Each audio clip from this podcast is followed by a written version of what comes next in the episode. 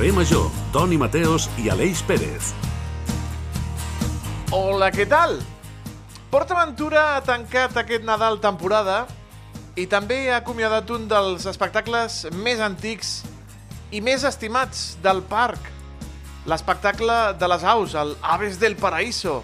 Sí, amics, el dels lloros, les cacatues, els guacamayos, les grulles, els voltorns, eh, les cigonyes, que el presentador era el Paco Navarro i ho feia amb humor i molt i molt divertit. L'espectacle en els seus gairebé 30 anys de vida ha anat evolucionant.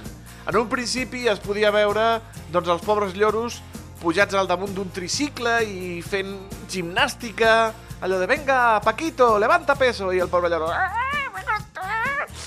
Entre aplaudiments i les rialles dels més petits i del públic en general. Amb el temps, l'espectacle va anar canviant, gràcies a Déu, de format i es tractava d'una classe magistral on el Paco t'ensenyaven com volaven els ocells i les aus, la seva alimentació, el color de les seves plomes i el seu comportament.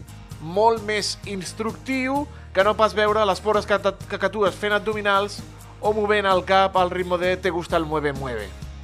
Des d'aquí un aplaudiment a la tasca del Paco i del seu equip durant tots aquests anys, gairebé 30. També aplaudim que l'Audiència de Tarragona ha condemnat a 5 anys de presó a dos homes que van causar un incendi amb tres focus diferents al parc de la Costa Daurada del PortAventura l'agost del 2022. Això és malícia, amics meus. Vaya un parell de pàjaros. Per una banda, les bestioles de l'espectacle Aves del Paraíso, que són meravelloses, i per l'altra banda, els bèsties de l'incendi que no tenen res de meravellosos. Cada cop que conec més a l'ésser humà, més m'estimo a les meves gates. Un bon pàjaro també és l'Aleix. L'Aleix. Aleix, bona tarda. Bona tarda, Toni Mateos. Bueno, jo crec que sóc un bon pàjaro i ara, recuperant això que deies de PortAventura, a mi m'ha passat una cosa i és que les muntanyes russes aquestes tan altes sempre m'han fet com molta por, però per algun motiu que no acabo d'entendre, els tobogans d'aigua del, del Costa Caribe Aquàtic Park, aquells, me'ls he baixat tots. Ara bé, em fas pujar en una muntanya russa que s'eleva una mica d'alçada i ho passo bastant malament. Saps com he pujat jo al Dragon Khan? Com? Pensant, si aquí ha pujat Jordi Pujol, què dimonis? Sí, sí. Nosaltres, amics Ja i baixat, amigues, ja ha pujat, ja ha baixat. sí, sí, nosaltres, els del carrer Major, volem com les aves del paraíso. Des de Ràdio Ciutat de Tarragona, Ràdio Hospitalet de l'Infant, la nova ràdio de Reus, Ràdio La Selva del Camp, Ràdio Montblanc, Ona la Torre, Altafulla Ràdio i Baix Camp Ràdio.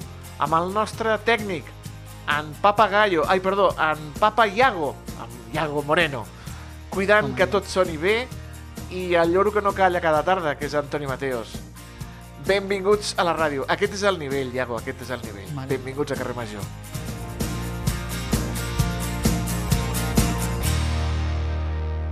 Carrer Major, el primer programa del Camp de Tarragona.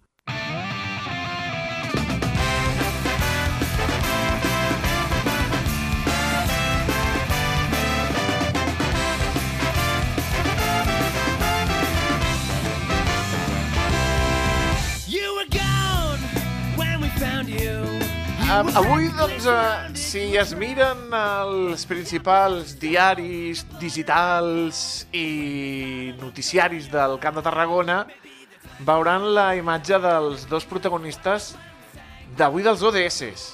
Avui, avui comencem pel final. Què és, què, què, és, què, què, què és això, estimat Aleix? Què és això? Doncs és un, doncs és un cop de- d'autoritat a la ràdio decidir que avui jo crec que... Un cop el d'autoritat. El, el, el tema, el Aquí tema s'ho val, el tema s'ho val, Toni Mateos, i és que tenim amb nosaltres, com comencem la casa per la finestra, com, ai, per la finestra no, per la taulada, com deien Fito i los Fitipaldis, amb els ODS, i és que avui toca parlar d'un objectiu de desenvolupament sostenible molt concret, el número 9, el de la innovació. En aquests portals envers la innovació i startups doncs s'ha publicat en, en, si no m'equivoco, el, el referente, doncs un llistat amb les 100 empreses més innovadores de l'estat espanyol instal·lades a parcs científics i tecnològics. Entre d'elles doncs, n'hi ha dues que treballen a RDS de Reus i hem decidit doncs, convidar-los aquí als estudis de la nova ràdio de Reus perquè ens expliqui una mica com treballen. Ells són el Jordi Garcia de, de Health AI i el Usam Dabac de Biotechnologies. No sé si he dit bé els noms. Molt bona tarda i gràcies per venir a Carrer Major. Bona tarda, gràcies. Bona tarda, un plaer estar aquí. Bé, primer de tot, eh, moltes felicitats per aquest reconeixement, que, que també al final doncs, és important no? que et reconegui la, la feina que es fa. Anem a aprofundir primer de tot amb una mica en aquestes dues empreses. Primer de tot, a què us dediqueu a eHealth AI, Jordi? Uh, bé, bona tarda, com he dit, i nosaltres el que fem és desenvolupem aplicatius, serveis, cerebros d'intel·ligència artificial per l'àmbit de la salut. Aquest seria el resum uh, essencial de la nostra activitat. I quan fas aquesta explicació una mica també, en quins usos o en quines... Clar, aquesta explicació doncs, també una mica cap a on va dirigida. Quins són els objectius també que, i beneficis que pot tenir aquesta, aquesta feina, aquesta investigació? L'objectiu final és anar convertint el sistema sanitari en un sistema sa- sanitari potenciat per eines alimentades per intel·ligència artificial pel prediagnòstic i potencial diagnòstic de diferents malalties, enfermetats, condicions, etc. Uh, cert és que com a ecosistema d'aplicatius eh, no pots començar fent un ecosistema complet per totes les malalties, tots els trastorns i totes les condicions i tens que començar per, una, per un tipus d'eines. Nosaltres, les primeres eines que estem treballant són pel càncer de pell, també estem treballant molt tema insuficiència cardíaca i algunes altres, aquestes dues serien les principals, més altres que estan més en tema de recerca, desenvolupament intern. I com seria una mica el, el funcionament, això? Si ens expliques breument una mica com, com seria aquest funcionament. Cada aplicatiu, cada eina té un funcionament completament Diferent. diferent. Tant pot ser que s'integrin dins dels sistemes eh, mèdics hospitalaris, eh, per tant que siguin eh, que s'integrin com una API, com perquè siguin utilitzades pels sistemes mèdics dels metges, hospitals, etc etc, com en algun cas com els temes del càncer de pell, que arribin com un aplicatiu, per exemple, insertat dins de la un exemple, dins de la meva salut, de la carpeta de la meva salut, que tinguis com una eina que arribi com una web app a l'usuari final. Molt interessant, i ara anem a passar al, a l'USAM. També una mica què feu aquí a Biofenòlics, que, que ho dic bé, i una mica també inclús es veuen eh, aquí una mica com, com funcioneu, com treballeu, d'on sorgeix la idea i també he vist inclús els resultats que has portat aquí a l'estudi. Molt bé, doncs moltes gràcies. Primer de tot, eh, Biofinòlegs neix com a idea el 2013, mentre jo estava cursant la tesi doctoral en nutrigenòmica, i estava pensant ja en compostos naturals del regne vegetal que puguin millorar la salut i el benestar de les persones. Llavors, han passat els anys, finalment he aconseguit tenir la idea clau i hem pogut desenvolupar, gràcies a, bé, a la incubadora Redesa, aquests productes amb una visió més empresarial, que al final no deixa de ser productes nutracèutics basats en extractes vegetals, eh, específicament polifenols, que són uns compostos del regne vegetal amb propietats a diferents nivells eh, en quant a salut i benestar, però també eh, contenen vitamines, minerals i altres extractes vegetals. Per tant, podem dir que estem desenvolupant productes que puguin millorar el benestar i la salut de les persones, tant física com mentalment.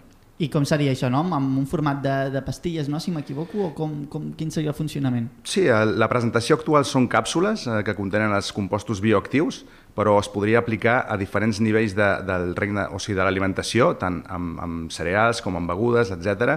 Però eh, l'important és ingerir o que la població, eh, juntament amb, un, amb uns hàbits de vida saludable, que és el que està canviant actualment, no? aquest canvi de paradigma, tothom vol cuidar-se més, vol anar al gimnàs, vol fer un, un estil de vida saludable, això seria un complement ideal per poder fer tots aquests, aquests objectius eh, amb productes naturals eh, d'origen vegetarià, eh, vegetal eh, i 100% naturals. Per tant, I això d'orígens vegetals també, no sé, m'agrada per un costat que has dit del complement, no? que al final doncs, no, no exclou tota la, la, la vida sana no? que s'ha de portar i per altra banda també això de l'origen natural, Quin, quins productes es treballen o a partir de quins o com funciona? Bé, tot el regne vegetal està replet, està ple de compostos bioactius molt estudiats, eh, el que passa que s'han de purificar bé i s'han d'utilitzar unes dosis adequades, no? s'ha d'estudiar molt bé quines dosis i quines combinacions fas. Llavors, combinant adequadament pots tenir un efecte sinèrgic en el qual les propietats beneficioses són molt més elevades i el que diem, no? això és un complement a un estil de vida saludable, és a dir,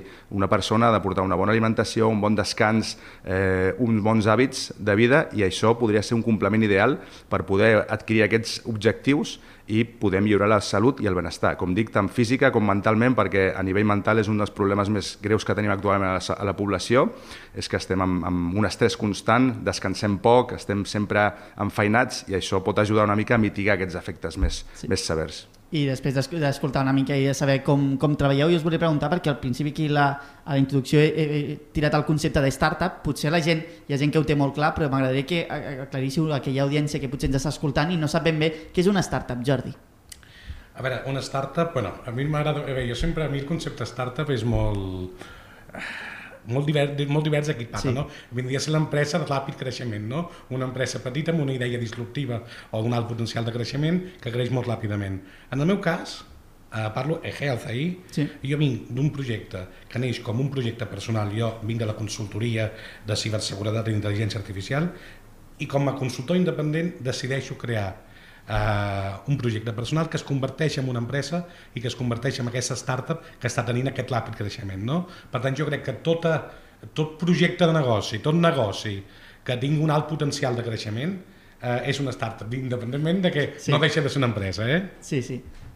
Estic d'acord, estic d'acord. Eh, eh, específicament una startup no deixa de ser una empresa de nova creació i, com deia, no, ha de tenir una idea més o menys disruptiva i començar des d'una base molt preliminar. No? Des de baix de tot tenir la idea i intentar, doncs, amb els medis propis, primer, no? amics, famílies i gent més propera, doncs, intentar eh, doncs, subvencionar el projecte per poder tenir una primera presentació, un mínim viable per poder doncs, oferir a la gent. I en el nostre cas doncs, crec que hem, hem començat des de baix i tenim actualment el producte mínim viable que podem oferir i, i bueno, d'una manera disruptiva doncs, eh, crear aquesta empresa anomenada startup que a poc a poc va creixent i es va reconeixent l'esforç no, d'aquestes persones que hi treballen. Exacte, no? Potser teniu en comú també aquesta idea i tot el procés que heu viscut també, no sé, quin paper hi juga en tot això l'EDESA i el, la incubadora aquesta, per, una mica com funciona per la gent que, que potser no ho sap des de fora, com funciona?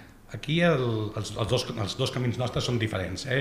Jo parlo Sí. des del, del meu camí de GLCI. Uh, a GLCI el que li ha portat l'EDESA, el que ha portat la incubadora, és aquesta capacitat inicial, primer de començar, de créixer i sobretot de projecció. Sobretot de projecció. Uh, a Europa, i no, és- no és com als Estats Units, a Europa li diuen, li diuen inversió, etc etc. Bueno, aquí entraríem en temes que potser no, no, és, no, no és el mateix una incubadora europea que una, una, una, una incubadora europea una estatunidenca. Però a nivell del que ens ha portat a nosaltres com a GLCI és aquesta capacitat, aquesta projecció de des del no-res, diguem, poder començar d'una forma potent i d'aportar-nos aquesta projecció. Evidentment, evidentment hem tingut el suport i tenim el suport d'altres ens, d'altres organismes, d'altres empreses, no? que ens han pogut aportar certes coses, etc. però sí que és veritat que créixer el territori i, i establir-nos en el territori és, eh, i la projecció que t'aporta això, sobretot la projecció és eh, essencial. Nosaltres ara tenim una forta eh, clar, una forta implementació, una forta relació amb Portugal i cada cop estem, eh, tenim més relació amb Portugal, etc. Però aquesta arrel catalana i aquestes, aquesta eh, projecció que ens està portant pel desplegament a Catalunya com a empresa catalana a la incubadora, ja no la incubadora, sinó ara nosaltres ja no estem a la incubadora, sinó ja res en si mateix, és el valor essencial que creiem que ens ha portat com a GLCI. Bé, en el cas de Biofenòlics és una mica diferent perquè ve de l'àmbit, és una empresa de l'àmbit molt científic i tècnic, no? jo mateix vinc de l'àmbit més científic eh, que no pas empresarial i passar per la incubadora o gràcies a la incubadora m'he pres les parts més empresarials del projecte, no? és a dir, com eh, identificar el segment de clients, com eh, mirar eh, tipus de, de, de productes viables, eh, com oferir aquests productes i això, no? com expandir-nos nacionalment, primer al territori, que és un, un objectiu inicial no? a nivell local, la xarxa territorial de Reus i Tarragona sobretot, però també com eh, poder mm, doncs, eh, passar d'una idea, una idea científica, a una empresa amb tots els nivells no? d'organització. I per tant això és una mica el que ens ha permès eh, Redesa, juntament amb això, no? amb enfocar-nos on hem d'anar. Eh, ja sabem que hem d'estar doncs, a, a canals com a farmàcies, per exemple, com a botigues especialitzades, però també el canal online. Per tant, tot és un aprenentatge del tema empresarial que des de l'àmbit més científic o des del món més tècnic eh, no es té tan, tan, tan visible i són coses que s'adquireixen posteriorment. I és, és una mica el meu cas.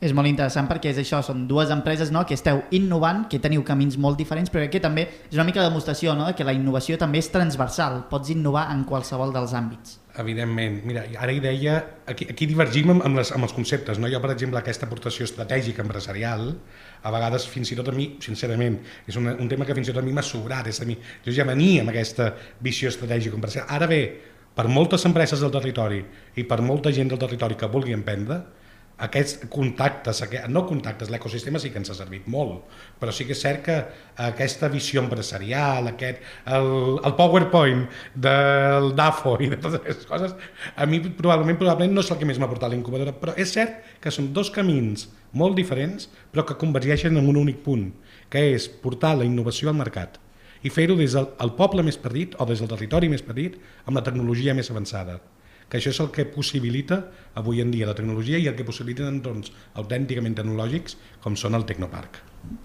Exacte, sí, és el que dèiem una miqueta, no?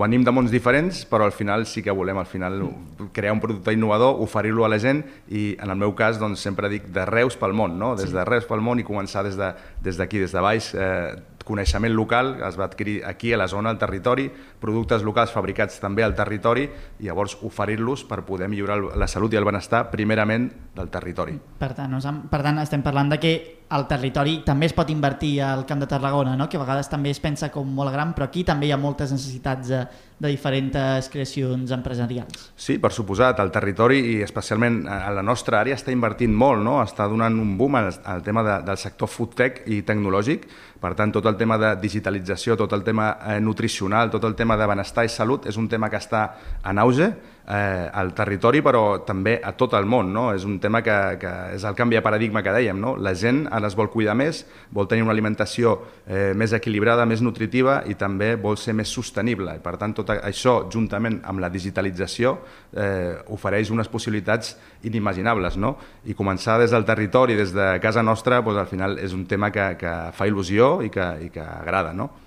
Exacte, i que això no implica no, que no també aquesta idea es pugui exportar a diferents territoris. Jo et volia preguntar també, Jordi, quins objectius hi ha després d'aquesta de, notícia no? i al final també que té una repercussió com afronteu aquest 2024 també, quins objectius teniu, inclús a termini, perquè entenc que a vegades les empreses ja no funcionen en un any vista, sinó a diversos anys. Quins són els teus objectius, Jordi? A veure, en el nostre cas, l'expansió és eh, clara i evident, és a dir, tenim uns objectius de creixement tant a nivell català com espanyol, com eh, a nivell europeu, sobretot, per moment, de moment més enllà d'Europa eh, no, encara veig difícil, que, sobretot per un tema regulatori, etc etc que aconseguim desplegar, però mira, ara hi ha un tema que no podré fer públic, però eh, en pocs dies probablement no podrem fer públic, estem en un projecte, en un projecte pan-europeu, amb diferents països europeus, per implementar els nostres serveis, cerebros, sempre dic els serveis de servicis, que no són servicis, són cerebros, els nostres serveis d'intel·ligència artificial amb unes plataformes robòtiques per atenció a la tercera edat, etc etc. no?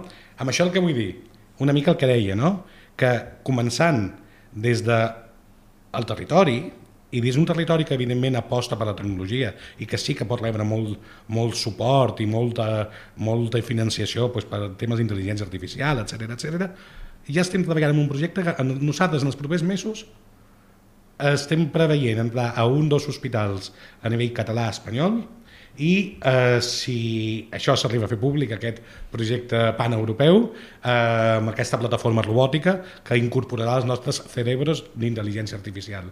Aquest seria el nostre procés. O sigui, hem començat d'una sola persona, que era jo, com a sí. consultor que desenvolupa el seu GitHub en un projecte, ara ja no sóc jo sol, ja som unes persones, i a partir d'aquí, evidentment, a nivell de creixement eh, català, espanyol i, i europeu doncs és, eh, sembla força evident i si més no és el que preveiem. Doncs en el cas de biofenòlics eh, anem una mica mm, amb un pas més previ, però el que va passar l'any 2023, que va ser un any molt intens, va ser que vam passar per la incubadora, vam aprendre tots els coneixements adquirits per la part empresarial, però també vam eh, poder acabar de fabricar o de desenvolupar els tres productes principals d'aquesta empresa, d'aquesta companyia de nova creació. Són productes, eh, els tres enfocats en millorar la salut i el benestar. Un està molt enfocat Eh, òbviament els tres eh, contenen polifenols. Un està enfocat al sistema immunològic i sistema físic, és a dir, eh, tema de refredats, grips, eh, tot el que està en auge actualment, no? totes aquestes malalties de l'hivern sobretot, però també rendiment esportiu i, i recuperació muscular. El segon, que és el que hem parlat anteriorment, és un producte que està molt enfocat a millorar el sistema cognitiu de les persones. Tenim una societat eh, que està massa estressada, una, una societat que eh, deixa d'estar concentrada ni motivada i això ajuda, pot ajudar amb aquests compostos, aquesta combinació de polifenols, vitamines i minerals, a, a, a conciliar tot això i a més a millorar el descans i, i, i dormir d'una manera adequada. I l'últim producte és un nutricosmètic, és un concepte més un innovador, i això vol dir que no només està, està bé internament, sinó reflectir aquest benestar amb un bon cabell, unes ungles, una pell més radiant, no? inclús la visió, estem tot el dia amb ordinadors o, o amb pantalles de mòbil, llavors millorar tot això i prevenir. No? Estem en una societat cada cop més envellida, doncs millorar l'envelliment més actiu. Això va ser l'objectiu de l'any passat i ara, quan ja tenim tot això consolidat, el que ens proposem sí. és entrar en el mercat, començant pel mercat més local, de la xarxa, del, del territori, on ja hem entrat algunes farmàcies d'aquí de Reus, estem a alguna farmàcia de Barcelona i tenim intenció doncs, seguir endinsant-nos en aquest territori per poder doncs, tenir ja una xarxa de comercialització més gran i probablement eh, intentar doncs, això, eh, créixer a nivell territorial, sí. estatal, però no només això, sinó que un àmbit molt important és l'àmbit de l'I+D. Llavors nosaltres el que ens agradaria des d'aquí és poder col·laborar amb altres centres per poder eh, seguir investigant i millorant eh, tots aquests tipus de, de, de beneficis que poden aportar aquests productes i en, en, en el que ja estem eh, adscrits i som socis d'un centre tecnològic eh, per, per la part d'I+D eh, a dintre del territori espanyol espanyol. Sí. Doncs estarem molt atents en aquestes dues empreses que crec que donaran molt a que parlar. Moltíssimes gràcies pel vostre temps, Jordi. Us hem, també pues, molt èxit per les vostres empreses i bé, us seguirem de ben a prop a Carrer Major. Moltíssimes gràcies. Gràcies. Gràcies, un plaer.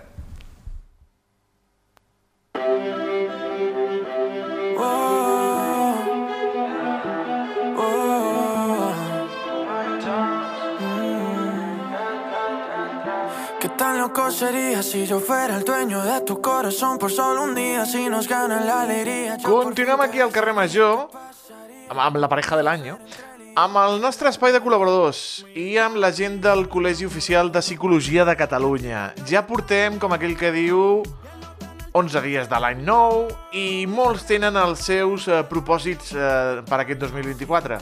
I les parelles també fan els seus propòsits per ser més feliços per ser una parella especial, per ser la parella de l'any?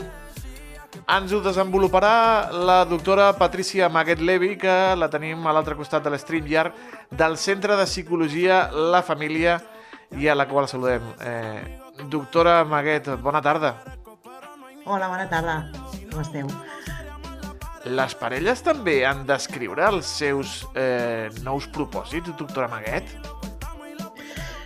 A veure, escriure, escriure no sé, però jo crec que és bona idea fer-se algun propòsit.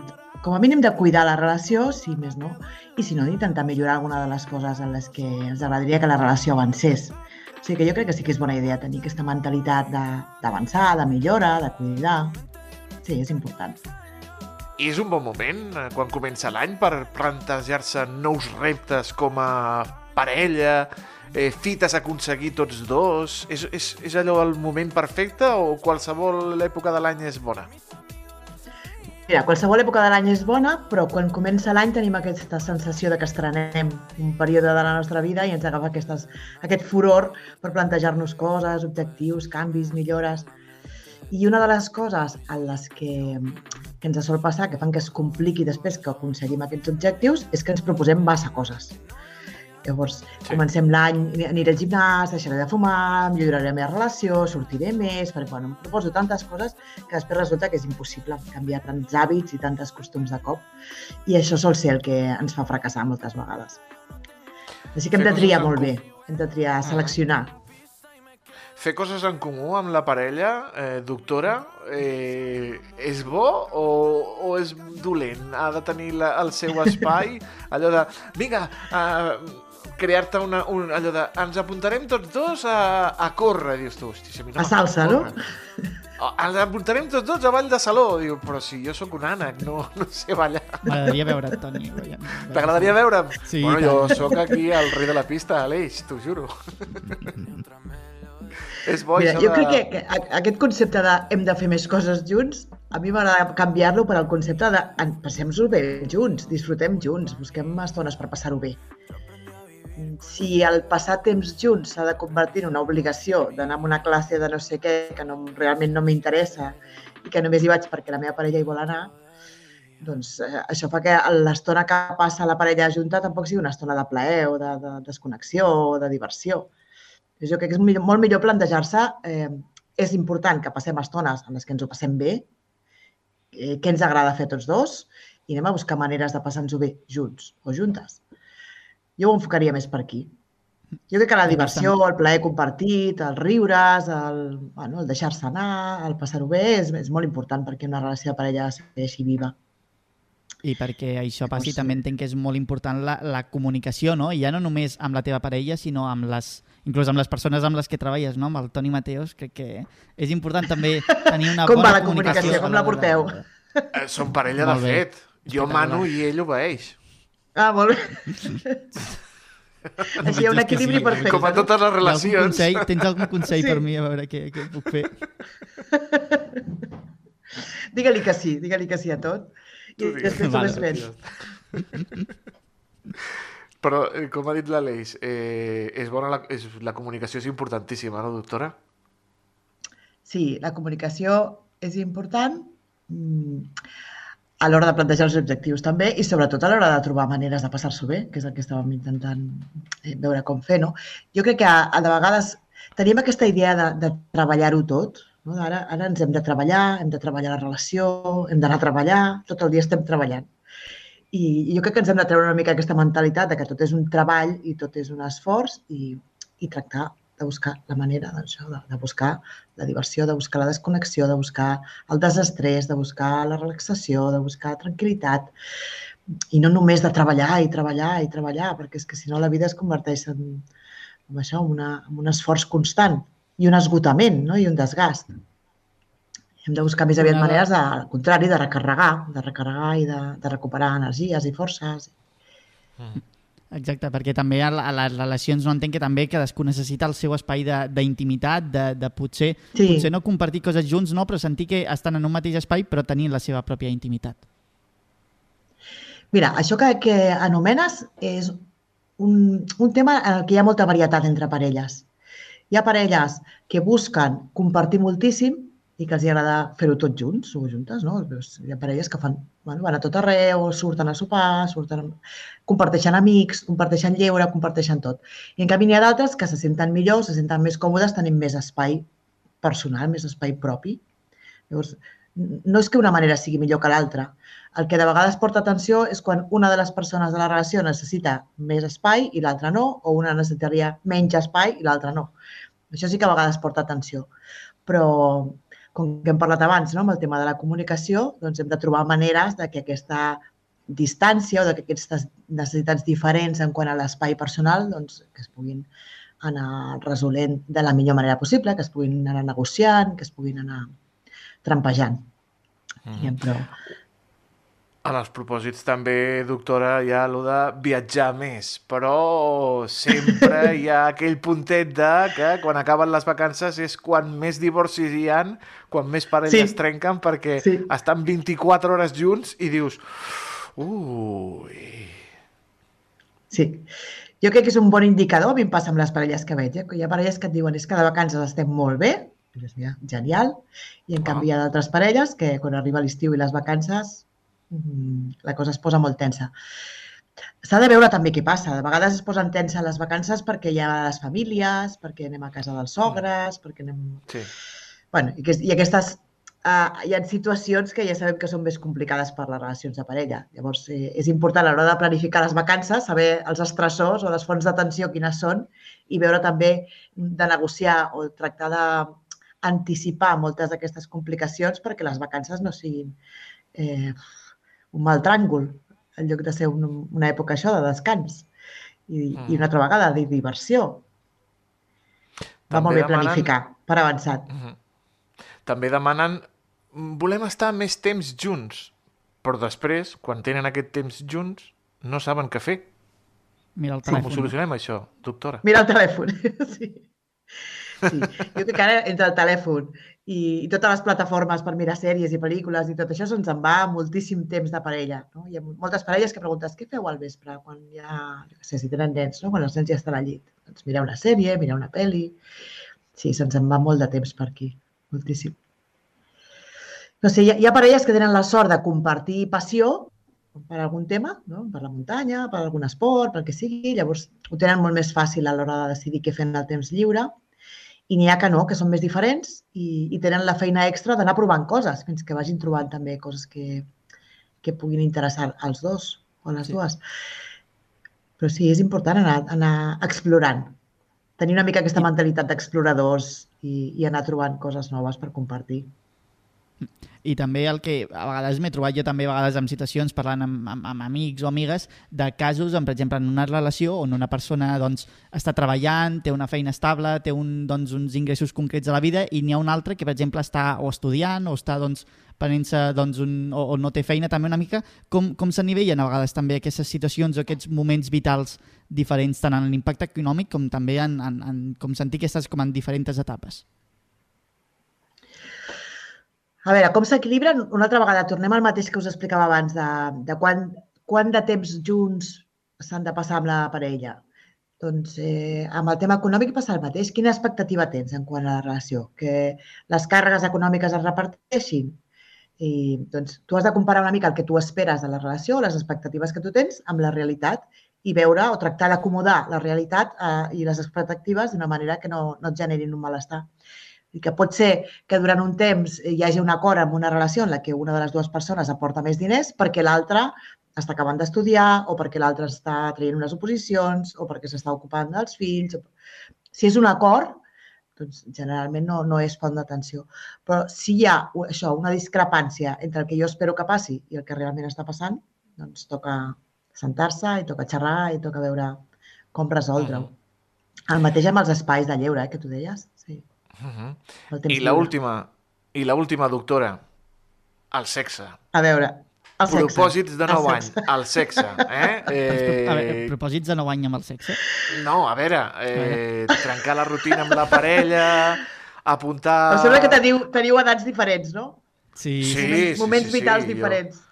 Més jo del que li podria agradaria ser el seu, Bueno, tenim, el seu tenim. pare. Tenim. Sí, sí. El sexe és important també, no? Parlar amb la parella.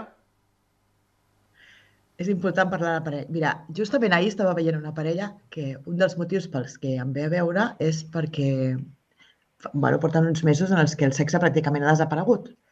Llavors fèiem una mica el repàs de com era la seva vida, de dilluns a diumenge, i realment deies, bueno, és, que, és que no hi cap.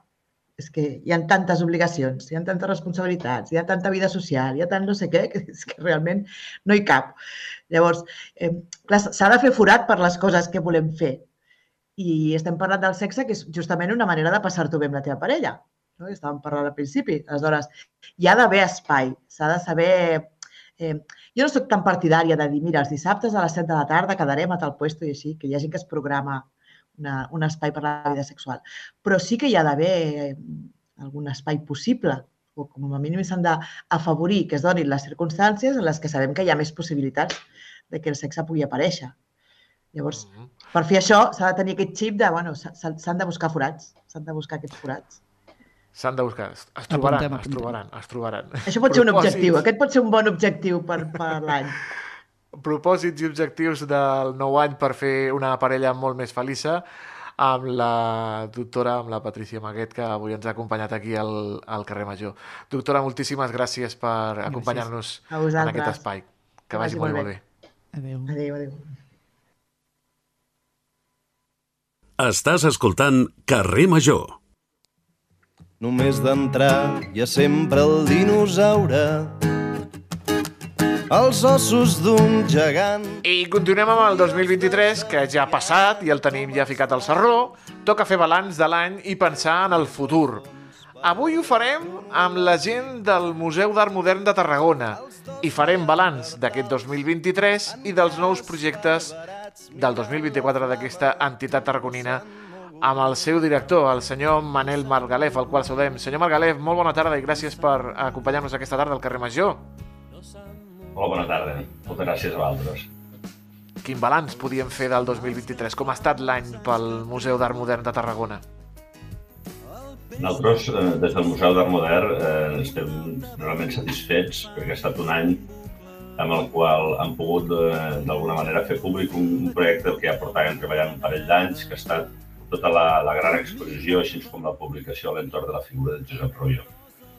Eh, un artista que, per les circumstàncies que se van donar, va estar realment una persona molt a prop i col·laboradora de, de Joan Miró, però que realment va tindre un treball propi eh, important i, i, en el seu moment molt reivindicat per galeries com la Galeria Mike de París i de Barcelona, eh, la Galeria Martha Jackson de Nova York, eh, la Galeria 10 al 7, que va ser qui el va presentar, etc etc. És a dir, històries de vida, històries artístiques que eh, per les seues situacions en determinats períodes queden com a, a, ocultades o, o com a, o com a diríem, i, eh, lluny de, de, de fer-se públiques i que van perdent, diria, d'importància. Jo crec que el, el 2023 ha estat un any en el qual la figura del rotllo s'ha pogut eh, re, re, re, re, resituar, no? donar,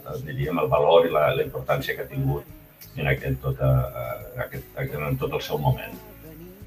A part, també, eh. han tingut exposicions temporals, hem tingut eh, projectes com la Bienal que eh, ens ha permès també seguir a, a consolidar, diríem, des del punt de vista de que és la segona edició, és una Bienal molt jove encara, encara que ve dels antics premis Julio Antonio d'Escultura i Capitol de però és una Bienal que ha canviat el paradigma, ha buscat resituar-se dintre del context de l'art contemporani i, sobretot, una Bienal que, que, que aposta fort del talent que eh, sigui local o no, ens permeti que també situar el museu, així com el treball que s'està fent els artistes en un context nacional o, o a nivell català i a nivell nacional en la mesura que es pugui. Uh -huh. Senyor Margalef, també la restauració del tapís de Tarragona, eh, uh -huh. estrena destacadíssima. Com ha estat aquest procés sí. i la rebuda la per part dels... La veritat és que, és a dir, per nosaltres, no, no vull desmereixer en cap moment perquè també hem tingut no, no. la, la, l'expressió de, del, eh, del Jorge Conde, que és un, un treball també d'un artista potent del nostre, del nostre territori que, que està projectant i, i diríem, eh, explicant molt bé eh, tot això que està fent. Ara has tingut una gran exposició a Saragossa. És a dir, eh, estem, estem a, a l'entorn de, de poder fer una programació de la qual intentem abarcar eh, bueno, de, des de punts de vista diferents, àmbits molt més d'emergència, però també àmbits que el museu d'alguna manera que treballar a fons de consolidació. I el treball de Rollo em sembla que ha estat interessant o important perquè, com, com ara estàs dient, no solament ha estat un any dedicat a aquesta exposició, que sí, sinó que és, ha estat un treball que ens ha permès al museu també fer una tasca de documentació, de catalogació, d'inventari, és a dir, en aquest moment hem pogut o podem d'alguna manera dir clarament que tenim tot l'arxiu rotllo al museu, és a dir, tota la consulta, tota la, la necessitat d'estudiar aquest artista passa d'alguna manera per tots uns documents que formen part ara d'aquest arxiu. Igual que han treballat per la localització de tapisos, per la, per la bueno, reconsolidació de les obres, eh, etc. i també per la conservació i la protecció. I en aquest cas, venim d'un moment en el qual eh, Caixa, eh, Fundació La Caixa i, Fundació Miró han incorporat, en, en, en, en, en, bueno, han, portat a terme, diríem, la restauració dels seus grans tapissos. I això ha fet que nosaltres, si més no, aprofitéssim aquest any també per entrar, diríem, en, en, en aquest projecte que ha suposat poder treballar in situ, poder conèixer el tapís eh, des de tots els punts de vista, apropar-lo a la gent i sobretot viure l'experiència de, del que ha estat això, no? la recuperació d'un treball que eh, en aquest moment torna a lluir, diríem, en tota la seva condició al museu. Eh, també volia preguntar una mica el paper del, del museu dintre del que és el Camp de Tarragona també ha de servir com una porta d'entrada no? a totes aquestes obres que potser a vegades malauradament doncs, s'ha doncs, d'anar a Barcelona o s'ha d'anar a altres llocs a veure. També s'ha de fer una defensa dels artistes del territori que també es pot consumir doncs, unes grans obres d'art aquí al costat de casa. Jo crec que, que això que preguntes és molt important. És a dir, nosaltres hem de, tenim un projecte mm, que, en el qual eh, la, la tasca que duem a terme eh, partís de, de, de, la, de, de, consol, bueno, de situar, conservar i, i, i, i promocionar el treball dels artistes del territori. Però això no ho podem fer només en una direcció.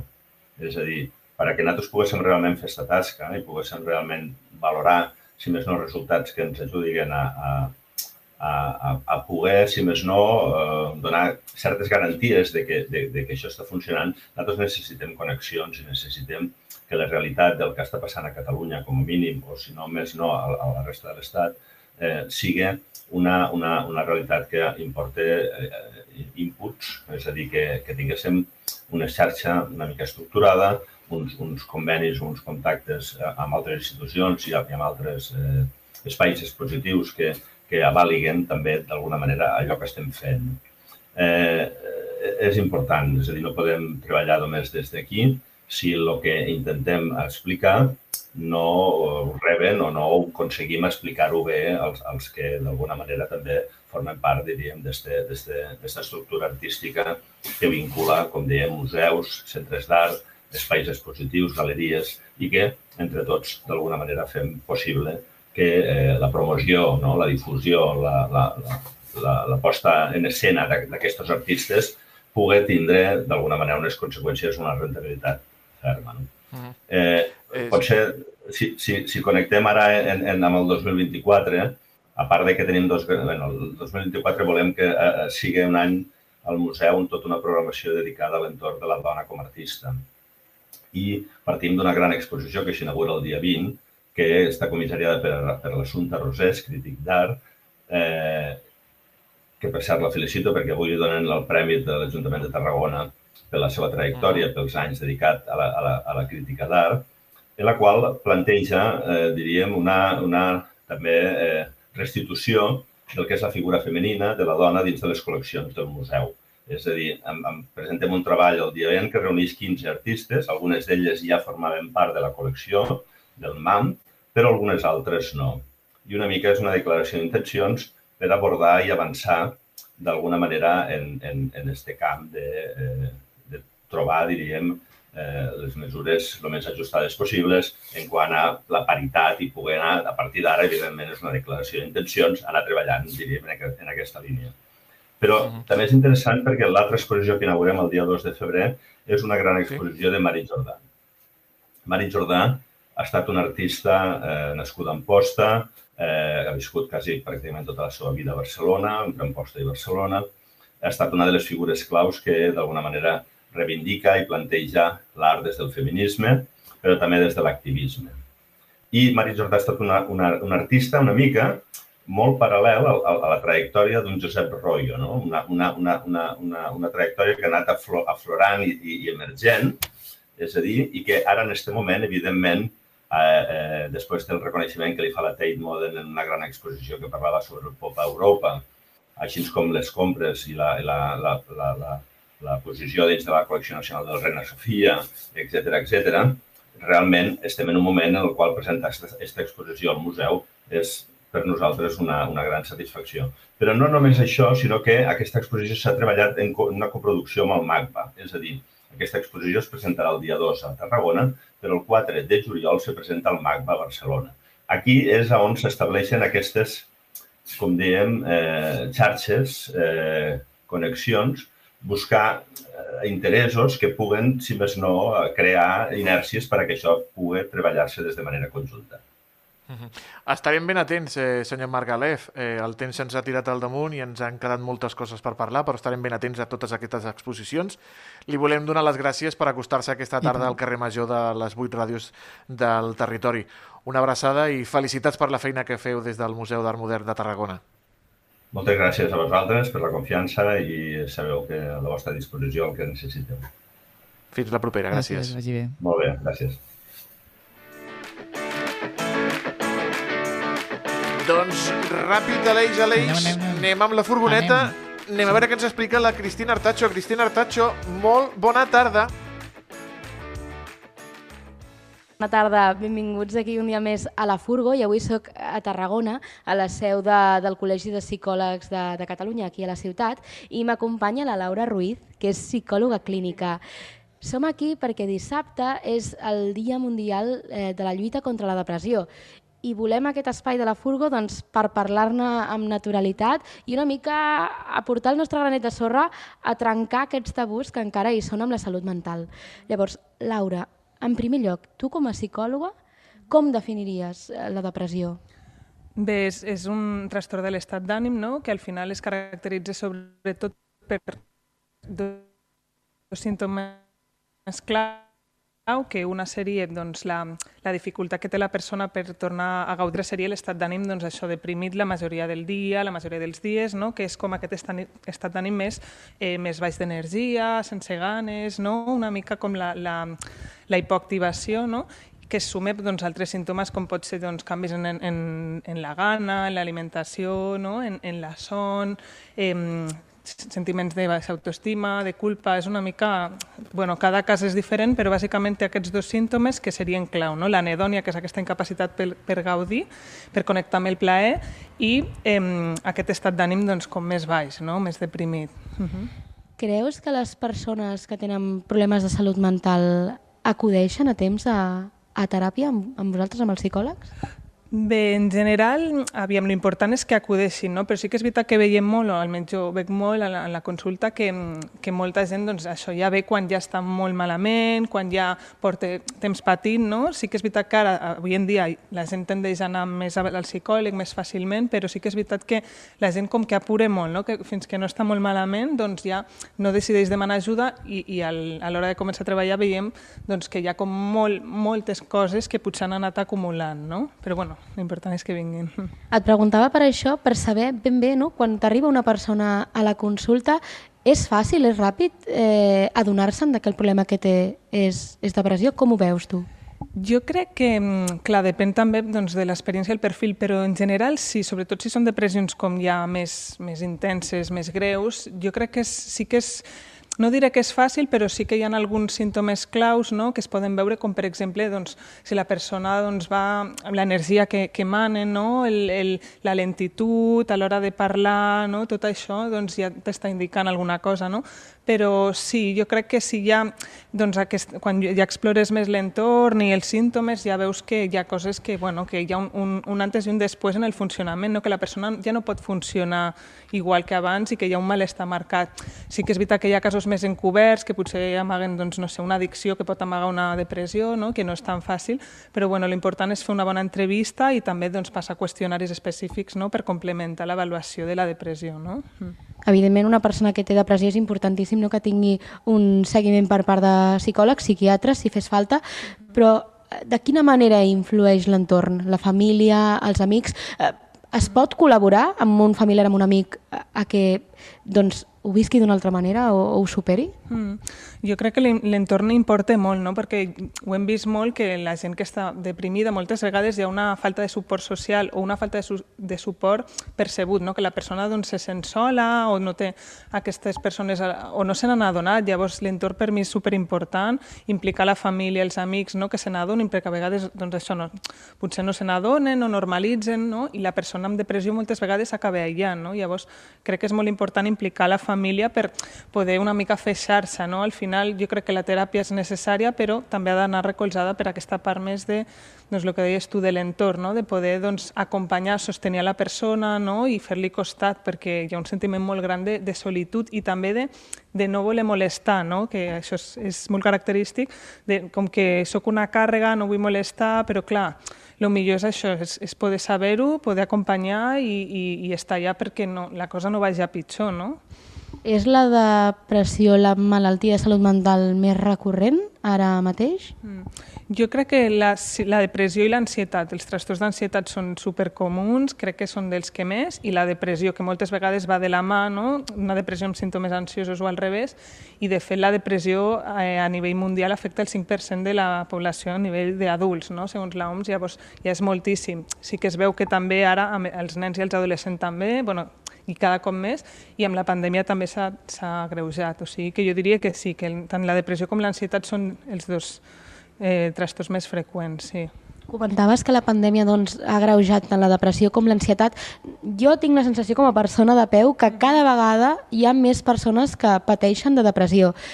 és perquè realment hi ha més gent o és perquè ens hi fixem més, tenim més cura de la salut mental?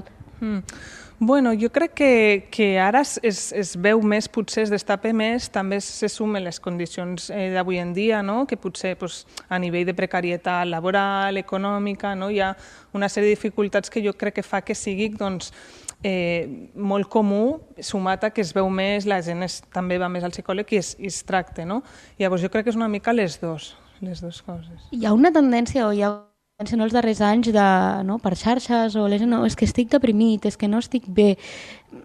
Creus que això també és, li suma un valor negatiu als problemes de salut mental que es puguin detectar i es puguin tractar bé?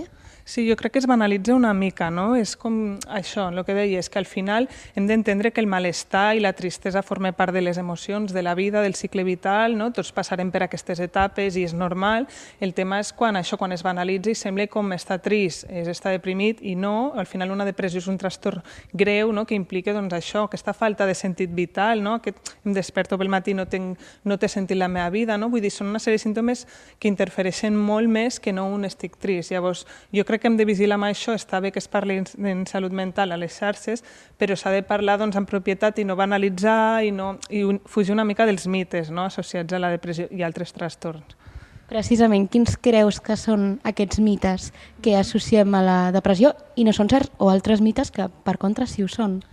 Bueno, sobretot hi ha un, o hi ha diversos, no? però un que és aquest de com de responsabilitzar molt a la persona, com si, bueno, doncs anima, no? com si depengués d'ella, doncs, bueno, estàs trist, doncs comença a t'animar, surt, no? I és com si, com si la persona tingués molt, molt, i sí que hi ha una part que, òbviament, la persona és una, un agent actiu en el canvi, però hi ha altres factors que, que s'escapen, no? quan hi ha sobretot depressions més endògenes que ja tenen a veure més amb temes bioquímics, que aquí a vegades cal medicació, clar, aquí la persona no pot fer tant, no? Llavors responsabilitzar això la persona, eh, això banalitzar el que dèiem, no? De potser tenir una mala època, ja com veiem a la persona una mica més apagada, doncs ja té depressió, no? Vull dir, s'ha de, de veure quan és depressió i quan no. I també a la salut mental en general, jo crec, no? Que això, no? com culpar potser la persona, com si ella mm, pogués fer més del que en realitat pot fer i, i jo crec que serien aquests una mica els més importants avui en dia. N'hi ha més, eh? però així que se m'acudessin.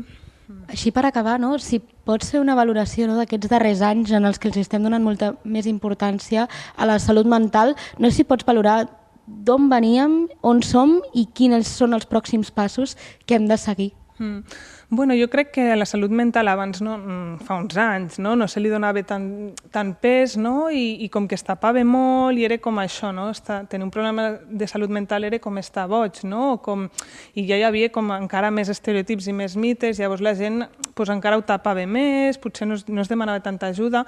Jo crec que avui en dia es demana més ajuda, hi ha més xarxa en aquest sentit, no? Jo crec que això ha millorat, però en quant a passos crec que és important bon, seguir visibilitzant, que, que no banalitzant, no? visibilitzant, parlant de salut mental, normalitzant, però també doncs, invertir en, en, en tema públic, no? A més places de, de PIR, no? que psicòleg interresident, que és el psicòleg clínic, que n'hi ha molt pocs, ficar-los als CAPs, no? vull dir, també el general sanitari, no? el psicòleg sanitari, que, que tots puguem treballar més en l'àmbit de la salut, perquè avui en dia, si tu no tens un mínim de recursos econòmics, és difícil tenir un bon seguiment per la periodicitat. No? No? Hi ha molta qualitat en els hospitals de bons psicòlegs, però no, no podem accedir, no? no tenim molta... Llavors crec que s'ha de seguir invertint i, i de veritat, no, no, no només com dir-ho als discursos, sinó invertir i normalitzar i, i, bueno, i, i trencar tabús, no? començar a parlar de, de lo que és i, i ajudar la gent, sobretot si veiem doncs, que té canvis en el comportament, que es va aïllant, no? en el cas de la depressió, doncs començar a activar i a, i a parlar i a preguntar què necessites, et puc ajudar, t'acompanyo, no? a poder doncs, demanar ajuda, sobretot demanar ajuda superimportant. Mm. Doncs... Mm -hmm. Molt interessant tot el que ens han explicat amb I aquesta tant. furgoneta, però el temps se'ns ha tirat al damunt. Gràcies, Cristina Artacho. Moltes gràcies, gràcies a l'Eix Pérez. I a tu, Toni Mateos, per aguantar una tarda més aquí de ràdio. És un plaer és un plaer aguantar-nos. Nosaltres tornem demà. demà. Divendres, faves tendres. Adéu-siau. Adéu.